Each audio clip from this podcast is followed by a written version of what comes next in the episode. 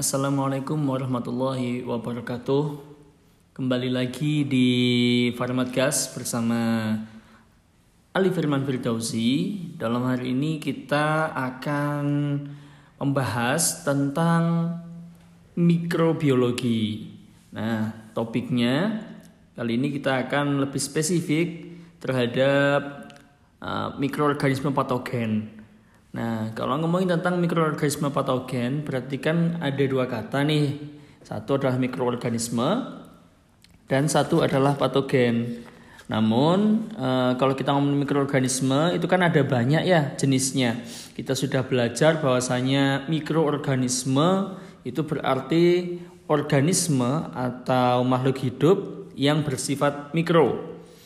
Nah, mikroorganisme yang berukuran mikro atau yang sangat kecil ukurannya ya yang kisaran mikron ya di bawah satu mikron dan lain sebagainya itu bisa terdiri dari bakteri bisa terdiri dari virus dan juga bisa terdiri dari sebagian uh, hewan berukuran mikro lainnya seperti uh, golongan kutu, tungau, uh, ada juga mungkin lumut-lumutan atau juga uh, jamur. Dan juga yang tidak kalah penting adalah parasit ya. Parasit itu bisa berasal dari golongan kutu-kutuan tadi itu ya. Bisa juga dari golongan nematoda cacing dan lain sebagainya yang berukuran kecil. Nah Untuk yang akan kita bahas setelah ini, kita mungkin nggak akan bahas satu persatu ya bagaimana dari masing-masing golongan tadi itu akan menginfeksi uh, apa namanya berkaitan dengan patogen. Nah, tapi kita akan berfokus pada patogenesis bakteri. Nah, ada yang kelewatan tadi patogen itu apa sih sebenarnya? Patogen itu adalah uh, suatu mikroorganisme yang apabila dia menginfeksi suatu inang, bisa itu manusia, bisa itu hewan. Namun dalam konteks ini kita ngomongin tentang manusia ya. Eh, patogen itu apabila menginfeksi manusia mampu menyebabkan penyakit. Ya. Ketika dia menginfeksi manusia, dia mampu menyebabkan penyakit. Nah, sehingga kalau dalam lingkup ini kita bisa membagi mikroorganisme itu menjadi tiga yakni mikroorganisme patogen ya yang pertama. Kemudian ada juga mikroorganisme non patogen serta ada nih yang disebut dengan mikroorganisme patogen oportunistik. Kalau e, mikroorganisme patogen kan jelas ya tadi ya e, adalah mikroorganisme yang apabila menginfeksi suatu inang itu mampu menyebabkan penyakit. Kalau mikroorganisme non patogen tentu saja kan kebalikannya. Ya, mikroorganisme yang tidak menyebabkan penyakit eh, apabila berada pada inangnya. Nah, biasanya mikroorganisme non patogen ini yang paling sering kita jumpai di dalam tubuh kita atau di permukaan tubuh kita yang kemarin kita sudah pelajari bareng ya, yakni contoh mikroorganisme mikroorganisme flora normal. Ya, normalnya memang ada di permukaan tubuh kita. Nah, yang satu lagi ini adalah uh, mikroorganisme patogen oportunistik. Nah, ini sedikit tricky kalau mikroorganisme patogen oportunistik itu adalah suatu mikroorganisme yang mampu menimbulkan penyakit hanya jika pertahanan inangnya sedang jebol. Ya, misalkan pertahanan inangnya baik, dia nggak menimbulkan penyakit nih.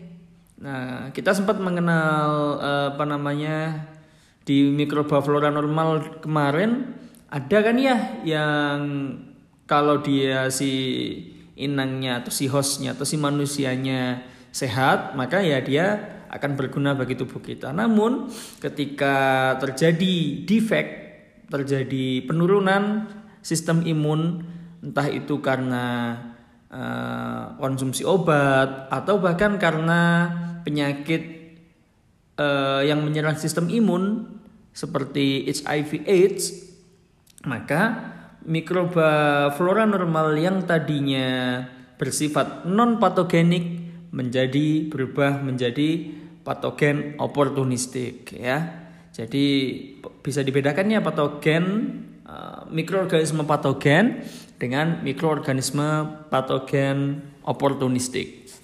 Ya, oke. Kemudian setelah kita tahu ya um, klasifikasinya, eh, saya bagi menjadi tiga tadi.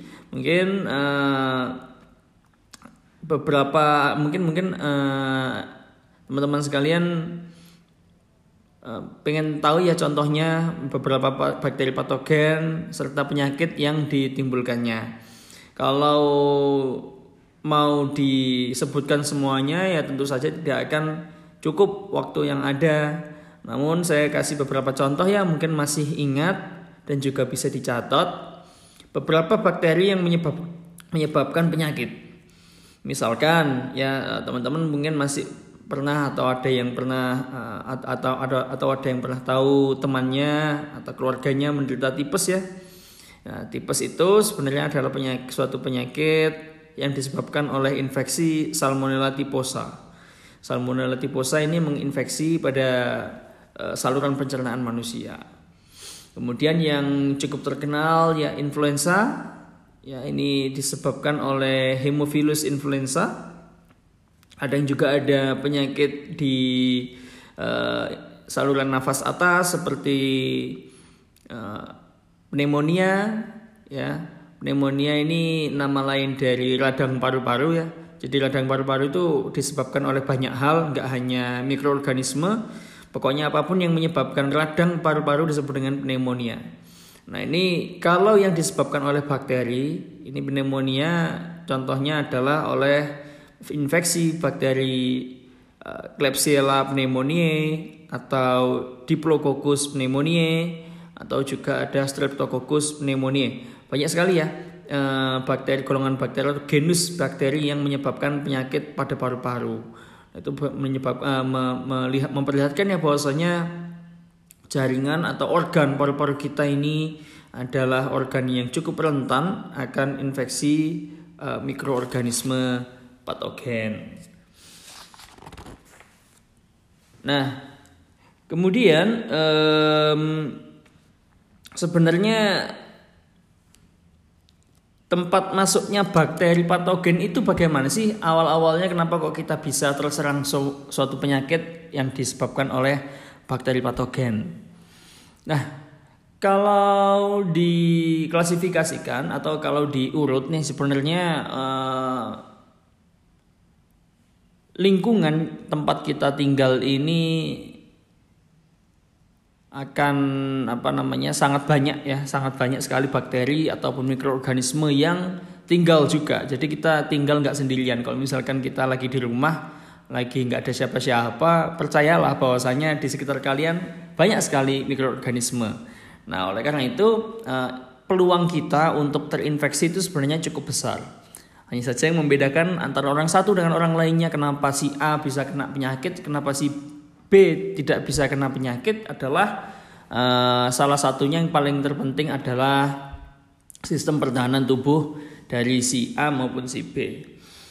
Nah, um, sebenarnya ada nggak sih ya eh, tempat-tempat khusus atau bagian tubuh seperti apa sih yang yang sangat suka untuk diinfeksi dalam tanda kutip oleh bakteri patogen? Nah, pada dasarnya Bagian tubuh yang paling sering adalah daerah-daerah pertemuan ya antara membran mukosa dengan kulit. Nah, kan uh, kalau misalkan daerah pertemuan antara membran mukosa dengan kulit ini sangat mudah terinfeksi ya karena memang bagian daerah membran mukosa ini semacam uh, bagian tubuh kita yang terbuka, terekspos keluar tanpa ditutupi oleh jaringan kulit ya. Contohnya misalkan mulut ya bibir itu kan gak ada kulitnya ya. Sehingga langsung ke mukosa. Mukosa itu adalah jaringan yang apa namanya secara secara secara anatomis itu uh, aktif ya untuk mengeluarkan mukus atau lendir yang bertugas untuk melindungi permukaan tersebut.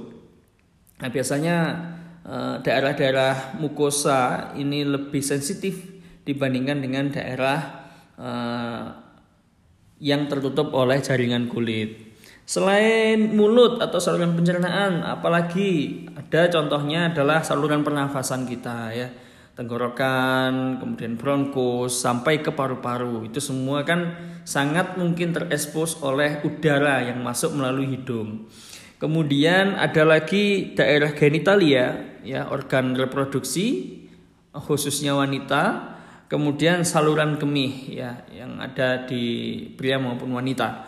Nah, ini semua kan mukosa yang rawan untuk terekspos ke lingkungan di luar sehingga mempermudah masuknya atau infeksi dari uh, mikroorganisme patogen. Oleh karena itu, teman-teman semua, kita harus rajin untuk menjaga khususnya daerah-daerah uh, mukosa tersebut yang terekspos langsung ke daerah ke lingkungan yang ada di sekitar kita. Caranya banyak ya bisa dengan sering atau rajin cuci tangan, kemudian uh, sering mengganti pakaian apabila sudah kotor, terutama pakaian dalam ya. Karena itu nanti akan memperbesar uh, komunitas bakteri yang ada di di sekitar daerah mukosa tadi yang akhirnya akan meningkatkan peluang terjadinya infeksi serta uh, timbulnya penyakit oleh mikroorganisme patogeni.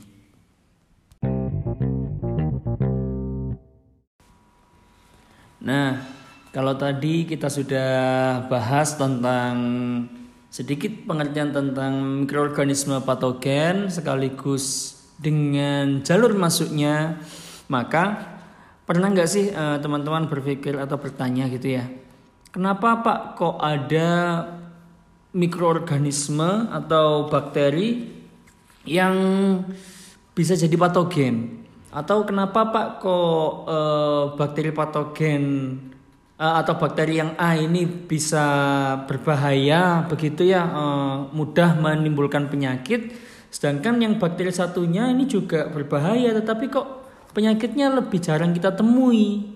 Nah, apa sih kira-kira yang mempengaruhi uh, suatu mikroba itu bisa menjadi sangat mudah menginfeksi dan juga sangat mudah menimbulkan penyakit. Nah, ngomongin tentang mudah atau tidaknya suatu bakteri itu menimbulkan penyakit, maka kita harus tahu bahwasanya ada yang disebut dengan patogenisitas. ya, ada derajat patogenisitas bakteri. Derajat patogenitas patogenisitas bakteri itu adalah kemampuan ya suatu bakteri untuk menimbulkan penyakit. Nah, jadi bakteri A dan bakteri B ini memiliki kemampuan yang berbeda nih dalam menimbulkan penyakit. Nah, itu tergantung dari apa? Tergantung dari virulensi. Tergantung dari apa? Tergantung dari virulensi. Ehm, jangan sampai keliru ya bahwasanya virulensi itu nggak hanya untuk virus, tetapi mikroorganisme patogen ini memiliki virulensi yang berbeda-beda. Apa sih itu virulensi? Virulensi adalah kemampuan kuantitatif ya, kuantitatif suatu agen untuk menimbulkan penyakit. Nah, semakin tinggi uh, virulensi dari suatu bakteri patogen, maka dia akan semakin mudah untuk menimbulkan penyakit pada sel atau pada tubuh inangnya. Nah, kalau misalkan bakterinya semakin virulen, maka dia nggak butuh jumlah yang banyak untuk dapat menimbulkan infeksi serta menimbulkan penyakit. Sedikit saja dalam jumlah kecil masuk ke dalam inangnya, apabila virulensinya tinggi, maka akan dapat menimbulkan reaksi selanjutnya, mulai dari penempelan, ya, adherence, kemudian invasi, serta toksigenisitas, ya ini menimbulkan penyakit. Nah, apa saja sih faktor-faktor yang mempengaruhi virulensi dari suatu bakteri patogen?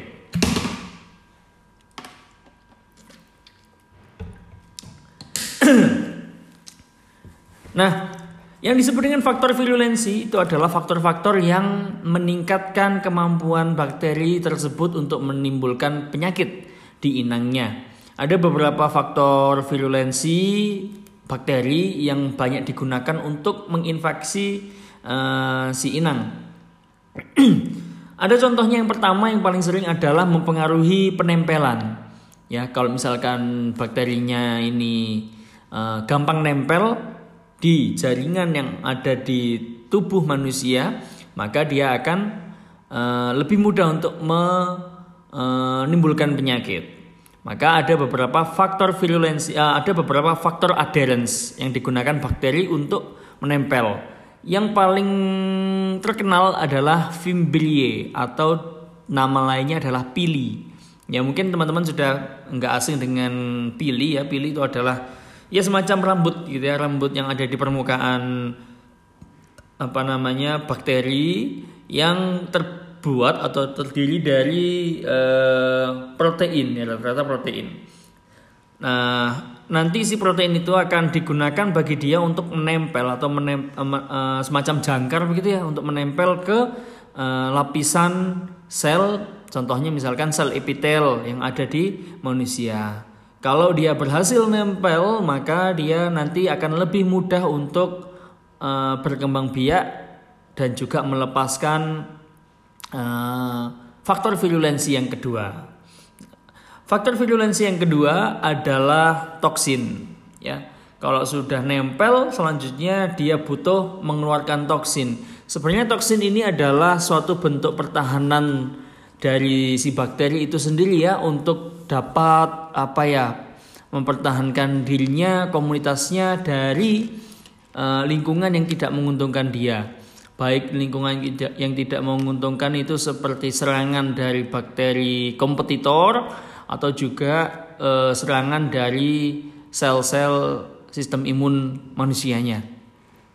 Nah, toksin ini e, kalau adik-adik masih ingat ya kita tahu toksin ini ada dua macam. Ya, ini yang pertama biasa kita sebut dengan eksotoksin dan juga yang kedua adalah endotoksin. Nah, apa sih bedanya eksotoksin sama endotoksin? Kita coba akan sedikit bedah di sini lebih banyak. Nah, kalau endotoks, eh, eksotoksin ini tentu saja adalah toksin yang dikeluarkan atau dieks, eh, diekskresikan oleh bakteri tersebut. Nah, biasanya eksotoksin ini sifatnya eh, sangat merugikan ya bagi bagi inangnya sehingga biasanya kalau bakteri-bakteri yang mampu memproduksi toksin ini rata-rata adalah bakteri yang cukup berbahaya. Dulu kita mengenal pada saat eh, apa namanya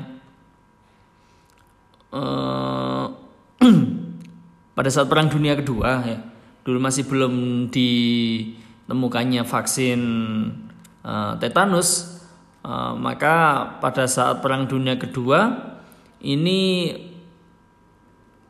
terjadi atau melanda suatu wabah yang disebabkan oleh bakteri gram positif yang kita kenal sebagai Clostridium tetani. Nah, kalau orang eh, apa namanya eh, terkena atau terinfeksi oleh Clostridium tetani maka akan eh, menderita penyakit tetanus. Ini biasanya padahal si Clostridium tetani ini banyak ada di tanah begitu ya namun mampu menginfeksi apabila terdapat luka terbuka. Nah, dia bisa masuk. Pada saat itu karena perang ya banyak yang luka, akhirnya banyak yang terinfeksi uh, tetanus. Namun uh, pada saat itu juga ya salah satu berkah adanya perang mungkin salah satunya adalah eh, tentara-tentara uh, Amerika kalau tidak salah ya Amerika pada saat itu sudah di apa namanya tentara sekutu, tentara sekutu ya uh, sudah memvaksinasi personil-personil militernya dengan cara memberikan toksoid ya uh, dari tetanusnya. Jadi dia ambil ilmuannya dia ambil te, uh, teta, Clostridium tetaninya kemudian diambillah juga toksin yang dihasilkannya eh, si eksotoksin tadi kemudian di treatment secara khusus ya diberi perlakuan ditambah pemanasan kah atau ditambah dengan uh, sejumlah reaksi kimia sehingga toksin tadi menjadi sedikit lebih dalam tanda kutip lebih jinak, lebih soft. Nah, ketika uh, personil militernya sekutu ini divaksinasi, maka jumlah yang mati akibat tetanus ini tidak sebanding dengan jumlah yang mati uh, dari pihak lawan yang tidak divaksinasi. Itu adalah exotoksin. Selain Clostridium tetani, ada lagi yang banyak diketahui adalah uh, Clostridium diphtheria, penyebab penyakit difteri. Itu juga penyakit difteri ini diakibatkan oleh toksin difteri. Ya. Toksin difteri ini adalah suatu uh, rantai polipeptida, ya jadi suatu protein begitu ya, yang dapat menyebabkan uh, penyakit difteri. Kemudian selain itu yang terkenal mungkin ada Clostridium botulinum ya eh, yang mengakibatkan penyakit botulisme yang ini biasanya kita temui pada eh, apa namanya produk-produk dalam kaleng entah itu minuman kaleng atau makanan kaleng dan lain sebagainya yang tidak diproses dengan baik. Nah, jadi Clostridium botulinum ini juga menghasilkan suatu exotoksin yang uh, cukup mirip dengan toksinnya tetanus yang terdiri dari rantai polipeptida dan juga uh, toksin ini bisa menyerang manusia pada usus dan juga serta dapat mengakibatkan uh, apa namanya kolaps pada jaringan uh, saraf manusia. Banyak sekali uh, mikroorganisme-mikroorganisme penghasil eksotoksin, uh, baik itu yang berasal dari mikroorganisme atau bakteri gram positif maupun bakteri gram negatif. Lalu apa Pak bedanya dengan endotoksin? Ya dari namanya kalau eksotoksin tadi dilepaskan keluar atau diekskresikan oleh si bakteri ke lingkungan dia, kalau endotoksin ini sebenarnya adalah uh, bagian ya bagian dari uh, struktur khususnya adalah membran dari atau dinding sel dari bakteri itu sendiri yang nanti akan lepas terutama ketika si bakteri tersebut mengalami lisis. Jadi kalau uh, eksotoksin tadi kan proteinnya, kalau endotoksin karena dia adalah komponen dari dinding sel bakteri maka dia terdiri dari atau terbuat dari uh, molekul lipopolisakarida atau LPS. Lipopolisakarida. Kalau lipopolisakarida ini kita pisah ya ada kata lipo dari kata lipid dan polisakarida dari kata uh, dari uh, apa namanya polisakarida ya. Polisakarida itu adalah karbohidrat nama lainnya. Jadi lipopolisakarida ini adalah e, kombinasi molekul antara senyawa lipid dan juga senyawa gula atau polisakarida. Nah, lipopolisakarida yang dilepaskan oleh sejumlah bakteri ini e, ketika terjadi lisis ini sebagian besar e, ya enggak sebagian besar ya. E, ada beberapa yang akhirnya dapat uh, menginduksi sistem imun kita. Jadi semacam ada warning begitu ya sehingga uh, kadangkala juga akan menyebabkan penyakit. Nah, karena apa namanya uh, lipopolisakarida ini banyak dijumpai pada dinding sel bakteri gram negatif, maka endotoksin yang perlu garis bawahi, endotoksin ini hanya terdapat atau dihasilkan oleh bakteri-bakteri gram negatif. Nah, lebih mencolok lagi ya perbedaan antara eksotoksin dan endotoksin ini adalah stabilitasnya ketika dipanaskan. Kalau eksotoksin yang berupa polipeptida atau protein itu kan lebih mudah terkoagulasi ya daripada eh, apa namanya uh, lipid atau lemak sehingga uh, lebih stabil endotoksin dalam pemanasan dibandingkan dengan eksotoksin. Kalau analoginya ya mungkin adik-adik akan lebih kuat merebus uh, ini ya mungkin uh, lemak pada kuah soto ya gaji begitu ya di kuah soto ini kan direbus uh, dia cukup stabil ya nggak berubah. Dibandingkan dengan merebus putih telur. Ya kan putih telur direbus sedikit saja atau kena air panas sedikit saja dia sudah rusak terkoagulasi menjadi pem, uh, terkoagulasi menjadi padat. Itu tanda uh, rusaknya ikatan polipeptida. Nah, berarti eksotoksin ini sifatnya lebih termolabil. Ya. Relatif tidak stabil pada pemanasan. Oleh karena itu ini pentingnya nih untuk memproses makanan itu lebih di atas dari 60 derajat Celcius. Kalau bisa uh, sampai mendidih. Nah, ini akan menghilangkan eksotoksin-eksotoksin yang sifatnya lebih uh, apa namanya lebih berbahaya, lebih toksik ya, lebih fatal dibandingkan dengan endotoksin. Ya kalau endotoksin ini sifatnya relatif sedang ya toksisitasnya. Uh, namun kalau eksotoksin ini biasanya lebih berbahaya. Seperti yang tadi ada apa namanya tet, menyebabkan tetanus, kemudian botulisme dan lain sebagainya.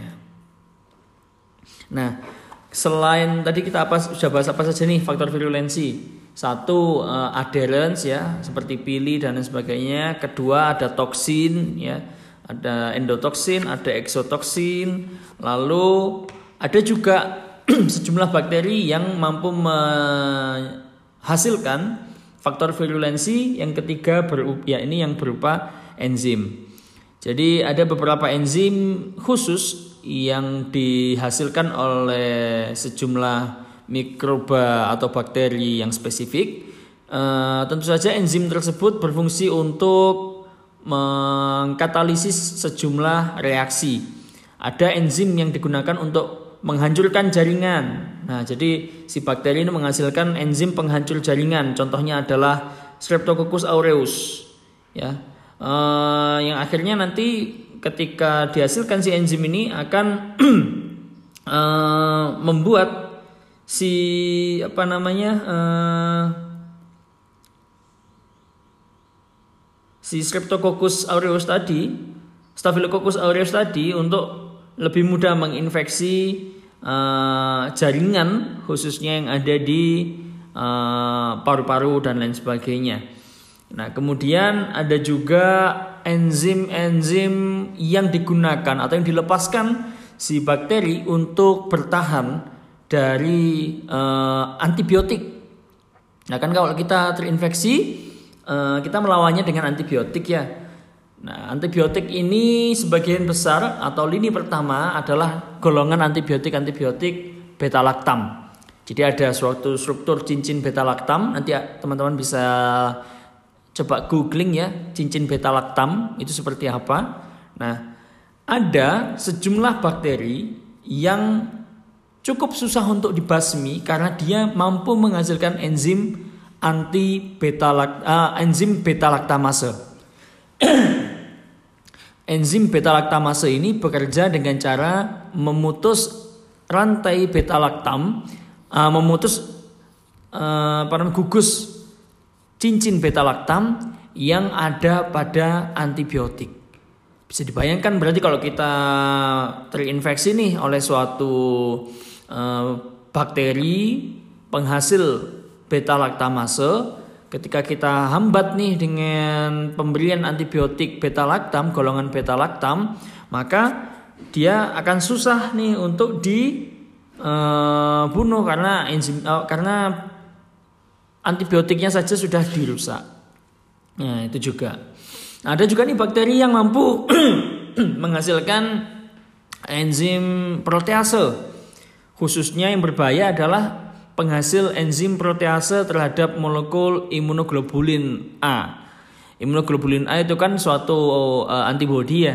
Tugasnya antibodi tentu saja untuk melawan infeksi. Nah, namun kalau misalkan ada bakteri yang mampu menghasilkan protease atau mengurai protein imunoglobulin tersebut atau antibodinya di apa namanya dihancurkan, maka tentu saja sistem imun tubuh kita juga akan uh, menurun Ya, beberapa bakteri penghasil protease imunoglobulin A ini contohnya adalah ada Neisseria gonorrhoeae, ya Neisseria gonorrhoeae penyakit, uh, penghasil penyakit gonorrhoeae. Kemudian ada juga Streptococcus pneumoniae, kemudian Neisseria meningitidis ya meningitidis. Kalau uh, teman-teman pernah tahu penyakit meningitis ini adalah suatu radang. Ya kalau belakangnya itis itis itu radang meningitis ini radang pada uh, apa namanya selaput otak ya sehingga sangat berbahaya khususnya dalam melindungi sistem saraf Nah, itu tadi adalah faktor beberapa faktor-faktor virulensi. Ada kita sebut lagi ya, kita ulang. Ada uh, faktor adherence ya untuk menempel, ada juga penghasilan toksin dan yang terbaru tadi adalah penghasilan enzim. Dan satu lagi, faktor virulensi yang tidak kalah pentingnya dan juga mulai banyak diteliti saat ini adalah uh, pembentukan biofilm. Jadi si bakteri ini sempat kita bahas di pertemuan sebelumnya. Kalau si bakteri ini mampu menghasilkan biofilm, wah susah dia untuk ditembus berbagai macam eh, semacam apa ya berbagai macam ya mulai dari antibiotik, kemudian ya bahkan kalau misalkan biofilmnya sudah terbentuk dengan cukup keras ya, biofilm itu kan adalah suatu kumpulan bakteri yang menempati suatu lapisan Kemudian dia terselubung oleh suatu matriks eksopolisakarida. Jadi matriks eksopolisakarida ini yang sifatnya keras kemudian juga susah untuk dibersihkan. Ya contohnya adalah kerak yang ada di kamar mandi ya, plak yang ada di gigi. Kalau mereka sudah membuat struktur seperti itu, struktur biofilm, maka susah untuk dibersihkan. Baik itu mau e, menggunakan antibiotik maupun Eh, senyawa-senyawa antibakteri yang lainnya. Itu dia teman-teman.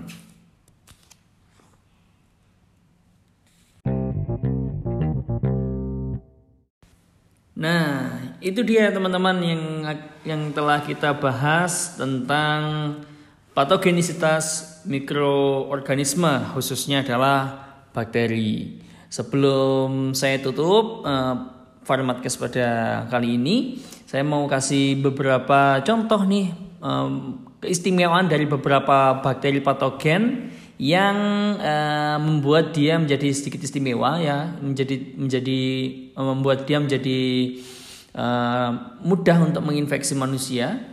Ya, beberapa di antaranya adalah Staphylococcus aureus ini yang banyak kita temui sebagai flora normal di kulit kita, tetapi nyatanya ketika dia berpindah ke tempat yang lain ini bang berbahaya.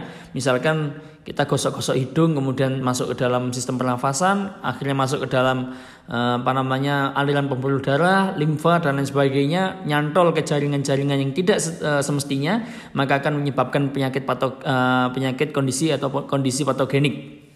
Nah, Staphylococcus aureus ini menimbulkan penyakit karena kemampuan melekatnya ke sel ya, menyebarnya dalam jaringan dan membentuk abses atau luka yang tahan terhadap berbagai antibiotik. Ya, jadi Staphylococcus aureus seperti itu tadi, dia mudah berpindah dan mudah menempel di jaringan mana pun yang ada di dalam tubuh kita. Kemudian yang kedua setelah Staphylococcus aureus ada Clostridium tetani yang tadi sempat kita bahas terkait dengan pembentukan toksin dia mampu membentuk eksotoksin yang uh, apa ya menyerang sistem saraf kita. Jadi orang biasa sebut juga neurotoksin uh, tetanus. Uh, kemudian juga ada toksin tetanus pasmin yang berikatan dengan reseptor gangliosida neuron dan menghalangi pelepasan neurotransmitter. Ya, neurotransmitter itu kan suatu impuls saraf yang dihantarkan uh, yang yang yang berfungsi untuk menghantarkan syaraf sistem saraf atau uh, menghantarkan rangsang saraf dari sel saraf satu ke sel saraf lain. Lah kalau ini diblok uh, dan dihalangi pelepasannya oleh neurotoksin dari Clostridium tetani maka tentu saja akan terjadi paralisis ya terjadi apa namanya gangguan penghantaran sistem saraf. Selanjutnya saya ingin tambahkan di list saya Neisseria meningitidis ya mm, penyebab penyakit meningitis. Dia memiliki kapsul polisakarida yang melindungi si bakteri dari proses fagositosis sistem imun manusia. Nah, kemudian eh, karena dia mampu membentuk kapsul polisakarida, maka dia juga akan dapat eh, menghalangi sejumlah antibiotik untuk dapat membunuhnya. Ya, ini menyebabkan meningitis radang pada selaput otak. Kemudian ada juga um, Salmonella typhi. Salmonella typhi yang tadi juga sempat kita singgung, ya ini dia tahan terhadap pH lambung, maka dari itu dia mampu menginfeksi saluran cerna di bagian usus manusia, menimbulkan reaksi inflamasi dan diikuti dengan gejala seperti sakit perut dan juga diare. Itu adalah Salmonella, khususnya adalah Salmonella typhi, eh, penyebab penyakit tipes. Tipes Kemudian ada juga uh, satu lagi yang ingin saya tambahkan ke dalam list saya adalah Shigella. Shigella spesies ini memiliki faktor perlekatan usus ya semacam pili ya tadi itu faktor adherence yang membantu kolonisasi di dalam usus. Ya gampang nempel di situ. Kemudian di bakteri ini akan menyebabkan penyakit dengan cara menginvasi dan merusak uh, usus besar. Nah, ini adalah contoh dari beberapa bakteri patogen yang memiliki sejumlah faktor virulensi yang akhirnya membuat dia lebih mudah untuk e, menimbulkan patogenisitas terhadap manusia. Demikian yang dapat saya sampaikan. Sampai jumpa kembali di format case berikutnya. Assalamualaikum warahmatullahi wabarakatuh.